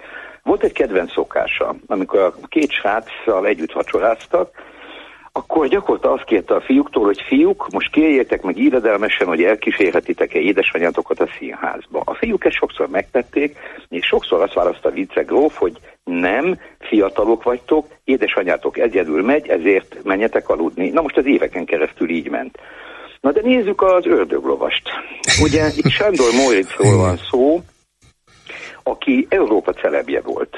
Londonban, a kirakatban a képeik ékeskedtek, és hihetetlen celeb volt Bécsben is. Hát miket csinált ez a jó ember?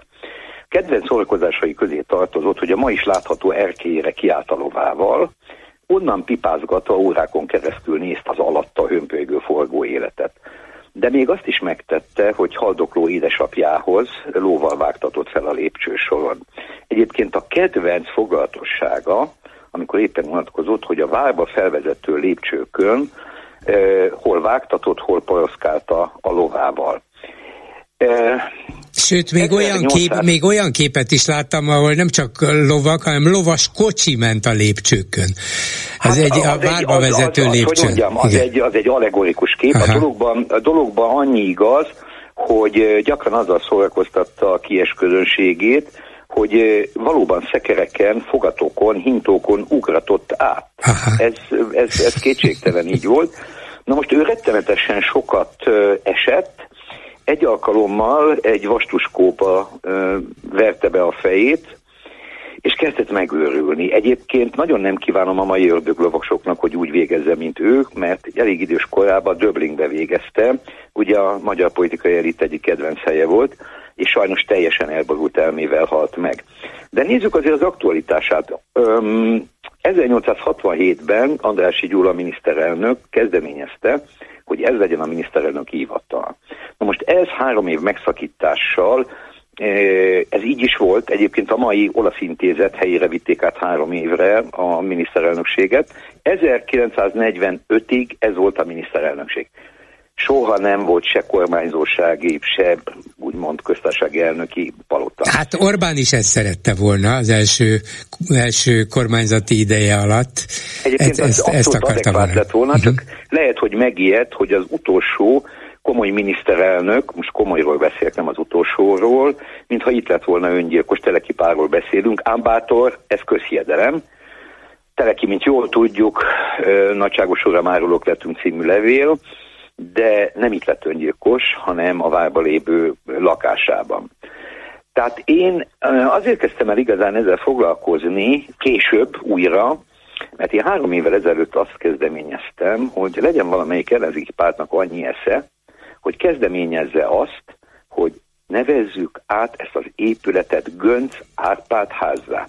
Most rettenetesen kíváncsi lettem volna, ha ezt valamelyik politikai párt, nagyon felkészültek és jó eszű emberekről van szó, tényleg ezt kezdeményezik. Most erre a Fidesz mit lépett volna?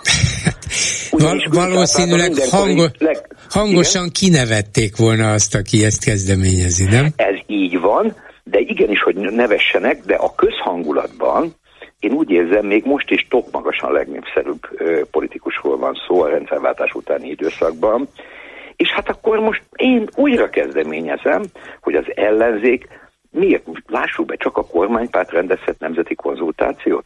Ám nosza, az ellenzéki pártok kezdeményezek egy nemzeti online konzultációt, ezzel nagyon fashionable, ezzel nagyon divatos lenne, hogyha online konzultációt kezdeményeznek, hogy ezt a házat nevezzük át uh, Gönc Árpád házá. Most summa summarum, ez egy olyan végtelenül ostoba gondolat, ennél ostobább dolog már csak a Dajcs Tamás valószínű ikonizálódó megjegyzése verheti felül, amit itt hallottam éppen nálatok.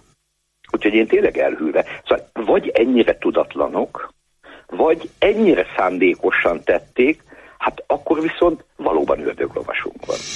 De én nekem tényleg az a rossz sejtésem van, hogy, hogy ez nem csak egy ilyen öncélú Sándor, adjunk valami történelmi patinát ennek, ennek a, a hivatalnak, mert maga az épület az, az, az de megvan. Az Andrási Gyula ház igen, lenne, igen, az igen. vigye el. Igen, de, de attól tartok, hogy ha a köztársasági elnök hivatalt megszüntetik, akkor előbb-utóbb a köztársaságit is kiveszik az elnök elől, és akkor marad elnök, a köztársaság már amúgy is üres, úgyhogy beteljesedik ez valahogy, csak nem tudom még milyen formában, és nem tudom, hogy mi a menetrend. Édesapának volt egy kedvenc nótája, ez a nótás kedvű volt az apám, én félek tőle, hogy itt tréfás kedvű valaki, nem nótás kedvű. Ez olyan buta gondolat, hát ha valaki ezt halál komolyan gondolja, hogy ez a logikai sor igaz lehet, amit te mondasz, hát az valószínű balett, balettáncos a jégevőben. Hát ilyen, ilyen, ez nincs, ez tényleg elképzelhetetlen. Vagy ki tudja, Igen? ez a döblinget emlegette, még az is lehet, hogy odáig vezet a dolog. Én nem kívánok ilyesmit, csak én mindig el szoktam volt mondani a mostani politikusok egy részének, semmi más Persze, nem hogy nem, de hogy kívánunk, az, hogy inkább a... csak félünk, hogy nehogy valami... De nem, nem, én udvariasabb szeretnék lenni, én csak azt kívánom, hogy Franstadtban egy körgangos ház földszintjén, egy egyszoba konyhás lakásban a jogászokból álló politikai elitünk nyisson egy vállóperes ügyvédi irodát. Hát én nem kínálok ennél többet. Ez egy nem ez szép foglalkozás. Meg lehet belőle élni. Köszönöm Így szépen, van. hogy hívtál. Szervusz. Szervusz, szervusz. Halló, jó napot kívánok. Halló, jó napot. Üdvözlöm, Bolgár úr, Imóci vagyok. Parancsoljon. Én vagyok most a Igen. Csak egy valamit szeretnék itt, egy híreket olvastam, meg pontosabban kaptam ezt, hogy a ez a kereskedelmi bank, ez az orosz érdekeltségű Pesten, ez a kémbanknak is nevezett dolog, hogy most a, kilépnek a magyarok ebből. Jól, jól tudom? Igen, azért, hogy Igen bejelentették ez, már, hogy kilépnek. Hogy ez, ez milyen? Tehát most, hogyha az Egyesült Államoknak voltak a magyar kormányra vonatkozó esetleges kompromittáló adatai, vagy, vagy mit tudom én, tehát valamiféle ugye hírszerzésből származó uh, dokumentumok, terhelő bizonyítékkal bíró dokumentumok esetleg, De ezt most csak feltételezem, hogy ezt most hogy, hogy nem használták föl előbb esetleg. Tehát, ez Valószínűleg, hasz, nem tudom miük van, vagy csak feltételezéseik, vagy félelmeik, de az biztos, hogy használták, legalábbis szóltak sokszor a magyar kormánynak, hogy nem kellene ezt a bankot ideengedni, nem kellene beszállni, nem kellene különböző diplomáciai mentességeket adni nekik, nem volna szabad, hogy az Európai Unióban szabadon mozogjanak, mert ez egy orosz lényegében kém, szerve, kém szervezet, amit fedő, annak a fedő. Szóval, hogy mondjam, tehát én úgy tudom, hogy a, a végsőkig mondták ezt, azt hiszem, ugye a kül igen. Szijjártó is, azt hiszem most így neveket nem akarok, de teljesen ugye tudja, és hogy kiálltak mennyire mellette, hogy ők bizony ezt megtartják ezt a bankot, holott már kiléptek a szlovákok is, ugye csehek, csehek, is, csehek is, így van, bolgárok, románok, románok mindenki. Így voltak, és tényleg abszolút olyan jogos, jogosultságokkal bírtak, amiket hát ugye nem csak a, ahogy mondjam, az amerikaiak nem néztek jó szemmel, hanem itt az Európai Unióban sem, de ez a számomra nagyon érdekes ez, az a dolog, és ugye most a David Pressman, hogyha említettem, jól mondom a nevét, David Pressman. Igen, abszolút, igen. A, a most amerikai nagykövet is, ugye hát még azt hiszem ő is szóvá tette ezt, hogy ugye ez nem, nem jó, hogy ez így itt működik, pláne, hogy a tavalyi ugye február 24-i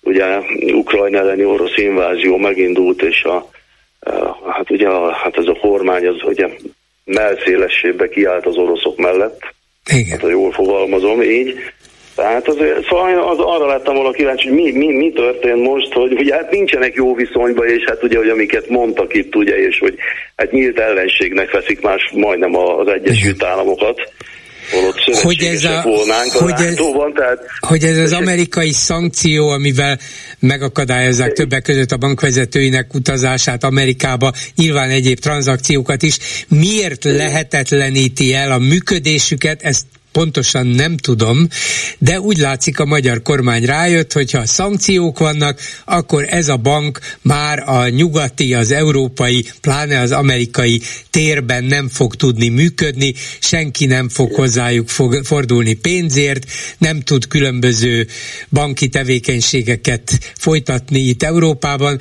úgyhogy teljesen felesleges, szankciótól sújtott bankkal senki nem fog kezdeni. Nyilván ez történt, de még van valami más más is a csőben, mert a Szabad Európa azt írja, hogy itt magyar, volt magyar kormányzati tisztviselőkkel szemben is be fognak vezetni szankciókat. Igen, hát igen. Igen, ez, ez száma, ez engem is megfogott, hogy a volt, tehát nem, nem csak a jelenlegi, hanem volt. Hát nyilván Szijjártó Pétert nem akarják kitiltani az Egyesült Államokból. Lehet, hogy szívesen megtennék, mert járjon inkább Moszkvába, de azért mégis csak szövetségesek vagyunk. Ha egyszer ő a külügyminiszter, ám legyen, legfeljebb nem fogadja őt az amerikai külügyminiszter, hanem csak alacsonyabb szinten, hát, ha igen, egyáltalán. Már itt volt ennek egy előzménye is, ha jól tudom, hogy a kereskedelmi kapcsolatokban volt ez a kölcsönös, hogy mondjam, ez az adókedvezmény, vagy mi, mi volt ez a... A kettő, kettős, kettős adóztatás kettős adó, elkerülésének igen, a, a felmondása. Így van. Tehát ez már szerintem több, mint egy kis gyönge figyelmeztetés Amerika igen. részéről. Hát én csak ezt szerettem volna, szóval, hogy ezt miért nem használták előbb, vagy miért nem um, alkalmazták. Hát ah, ezt mert... nem tudjuk, mert azt hitték szerintem, hogy Hát arra van a diplomácia, arra vannak a színfalak mögötti. a vélemény? De hát, hogy, hogy egy, hát tudják, hogy mégis az Egyesült Államok legerősebb nagyhatalom, a szövetségesünk, ha ők mondják egyszer, ötször, tízszer, akkor talán tizenegyedszerre megértik és megcsinálják, nem kell belőle nyilvános ügyet csinálni. De úgy látszik, tizenegyedszerre meg 111-egyszerre se értették meg, csak azért is folytatták, hát akkor tessék, itt van. Hát ez, ez nagy naivitás. Hát ez nagy naivitás volt felőlük, hogy 11 is megértik. Hát jó, köszönöm szépen. Én is köszönöm. Viszont hallásra. Minden jó. Köszönöm szépen, viszont hallásra. Háló, jó napot kívánok! Háló? Tessék parancsolni, hallgatom, asszonyom. Jó. Bocsánatot kérek, jó napot kívánok, bolgár úr. Hát nagyon sok minden re kaptam föl a fejem, már az elmúlt napokban is, csak ö, olyan sok nagyon jó szakértő volt a telefonnál, hogy örömmel, meg nagy figyelemmel hallgattam őket. A mai napról, hát szintén a Sándor Palotáról és sok egyébről, amiket a Lakner Zoltán a Elmondott az ellenzéki pártok különbségeiről, vagy inkább igen, nem is olyan igen, nagy különbségeiről. Igen. Tulajdonképpen, tulajdonképpen ehhez ez indított arra, hogy, hogy hívjam fel önt, illetve hát a klublá, klubrádiót, mert biztos nem emlékezett, miért emlékezne, de amikor amikor volt a Momentumnak az elnök választása, és az első megszólalása az elnök asszonynak az volt, hogy Gyurcsány, stb. stb. Tehát ez most, hogy felhozódott, hogy, hogy egységet és együttműködést, ez jutott eszembe, de most ez nem központi téma, mert sok mindent én csak színszavakban hadd mondjam, amit... Igen, nyugodtan. Amit szerettem, mert nagyon sok az, amithez, ha az egészségügyről részletesebben lett volna, vagy lenne valamikor szó, akkor nagyon szívesen, mert saját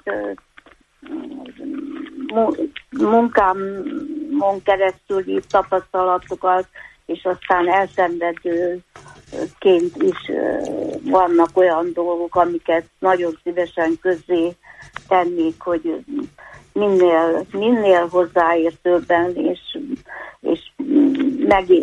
és meg az egészségügyet vélekednének róla. Ezen kívül az ellenzéki közösség keresésnél az jutott eszembe, hogy az önmagunk megtalálása nagyon sok politikusnak most 50-60 éves korában jut eszébe, vagy időszerű, hogy ez eszébe jusson, hogy, hogy önben valósítsa magát, és önismeretre tegyen szert, hát erre hamarabb is. Rá, hát igen, de, volna, de jobb később, mint soha. volna jönni, mielőtt ilyen komoly pályára léptek. De a, végül is, ami késik nem múlik, legyek én is ilyen uh, slendriánabból fogalmazó. Ja, szeretném megjegyezni, hogy nagyon elharapózott a, a, a nyelvben a slendrián fogalmazás. Az biztos. Nagyon, nagyon, nagyon. Olyan emberektől, akiket, akiket ön is tűsorába fogad, meg... Sajnos ez hát egy, egyre tudom, általánosabb, hogy... vagyunk, igen, igen. megengedőbbek vagyunk ez irányban, és ezt nagyon igen, a, a, a pontatlanság, a felületesség, vagy, vagy a látványos, hangzatos Igen. nyelvi megoldások iránt sokkal megengedőbbek vagyunk, mint korábban. Igen, igen. Na most az együttműködés keresésé, keresése az ellenzéknél, ez jutatta eszembe, hogy a Gyöngyösi Mártó, Máté, ugye Márton. Széder Márton, Szépen. Márton. Márton, Márton, bocsánat, nem tudom ez a Márton miért. Márton természetesen. A Gyöngyösi Márton Széder estére meg volt hívva. Hát ezt, ha valaki ismeri, én ismerem jól mind a két oldal vére csorgozat, cserge, hogy is mondjam, csörgedezik. Az ereimben, igen, igen. Ereimben tehát tudom, hogy milyen egy szédereste, és az valóban családon belül is meghívásos alap, többnyire meghívásos alapon történik, és ott nagyobb beszélgetésekre nincs alkalom. Ezzel kapcsolatban tulajdonképpen csak hosszú, hosszabb mondani valóm lenne róla, de de mm, úgy érzem, hogy ezt túlságosan felfújták most nem, nem lett volna szabad, nem lett volna szabad ennyire elengedni, vagy nagyon, vagy nagyon fel kellett volna készülni, és, és úgy megvilágítani ezt a meg, meglévő, nem meglévő problémát. Tehát úgy tűnik, hogy úgy tűnik, hogy ez egy kicsit koholt, előszedett problémafelvetés, mert a gyökere nem itt leledzik. Hát nem, a gyökere semmiképpen sem. Talán az amerikai nagykövet azt nem gondolta végig, hogy miközben az egy, az egy értékelhető politikai gesztus, hogy egy egy volt antiszemita politikus, aki remélhetőleg ebből kigyógyult, legalábbis Igen. többször elmondta már, hogy ő is, pártja is ezzel, ezzel végképp szakított, és sajnálja is, Igen.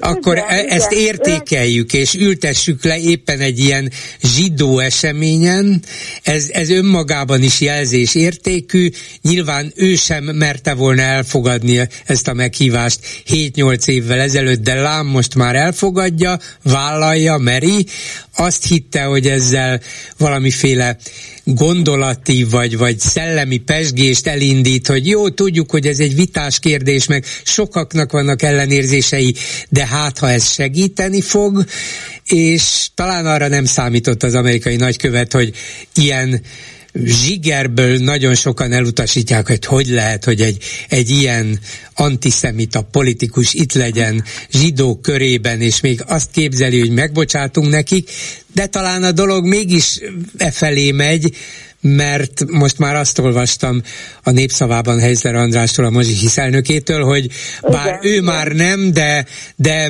mérlegelik, hogy elfogadják ezt az újabb bocsánatkérést, amit Gyöngyösi közzétett. Ezt, ezt nagyon, nagyon helyeselném.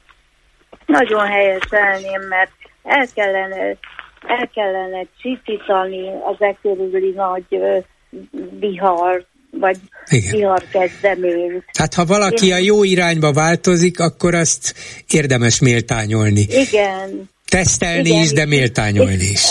Olyan, olyan mérhetetlenül nagy ö, baj van körülöttünk, hogy, hogy Isten őrizzen attól, hogy, hogy ö,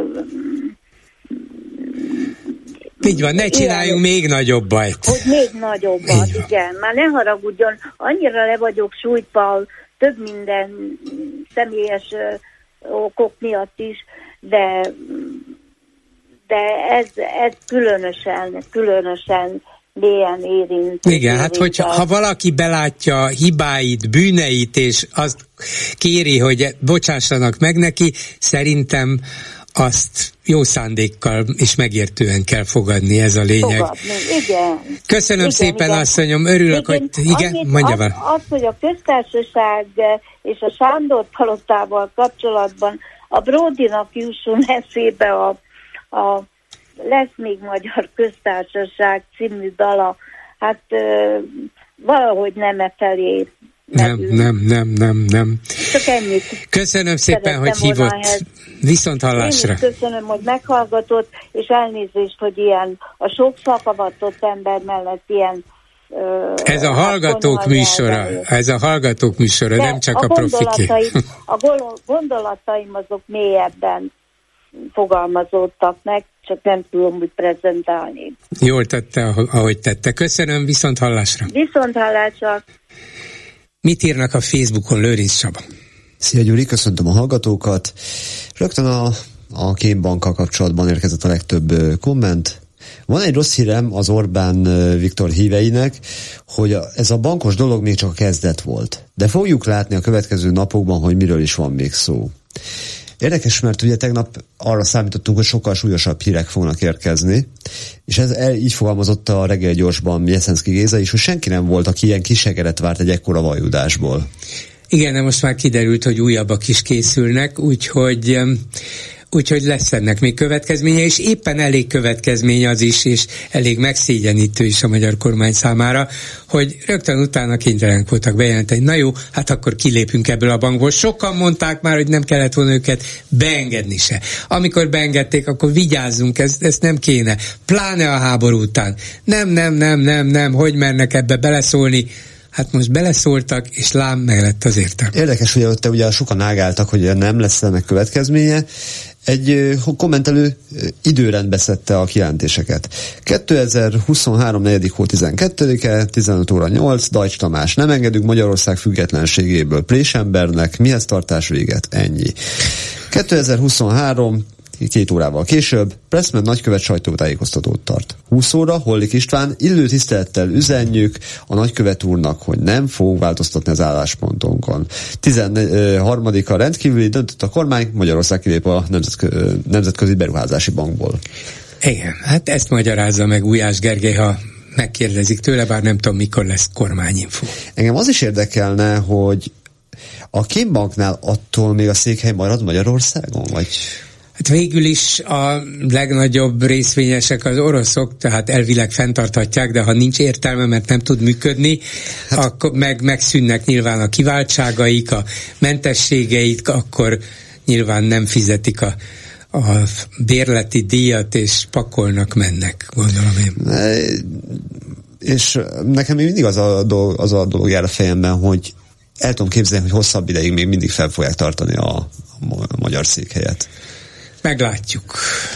Tisztelt Bolgár úr, így a következő kommentelő. Remélem, hogy nem tervezik megszüntetni a köztársaságot, bár nincsenek korlátjaik, se anyagi, de er, pláne erkölcsi szempontból.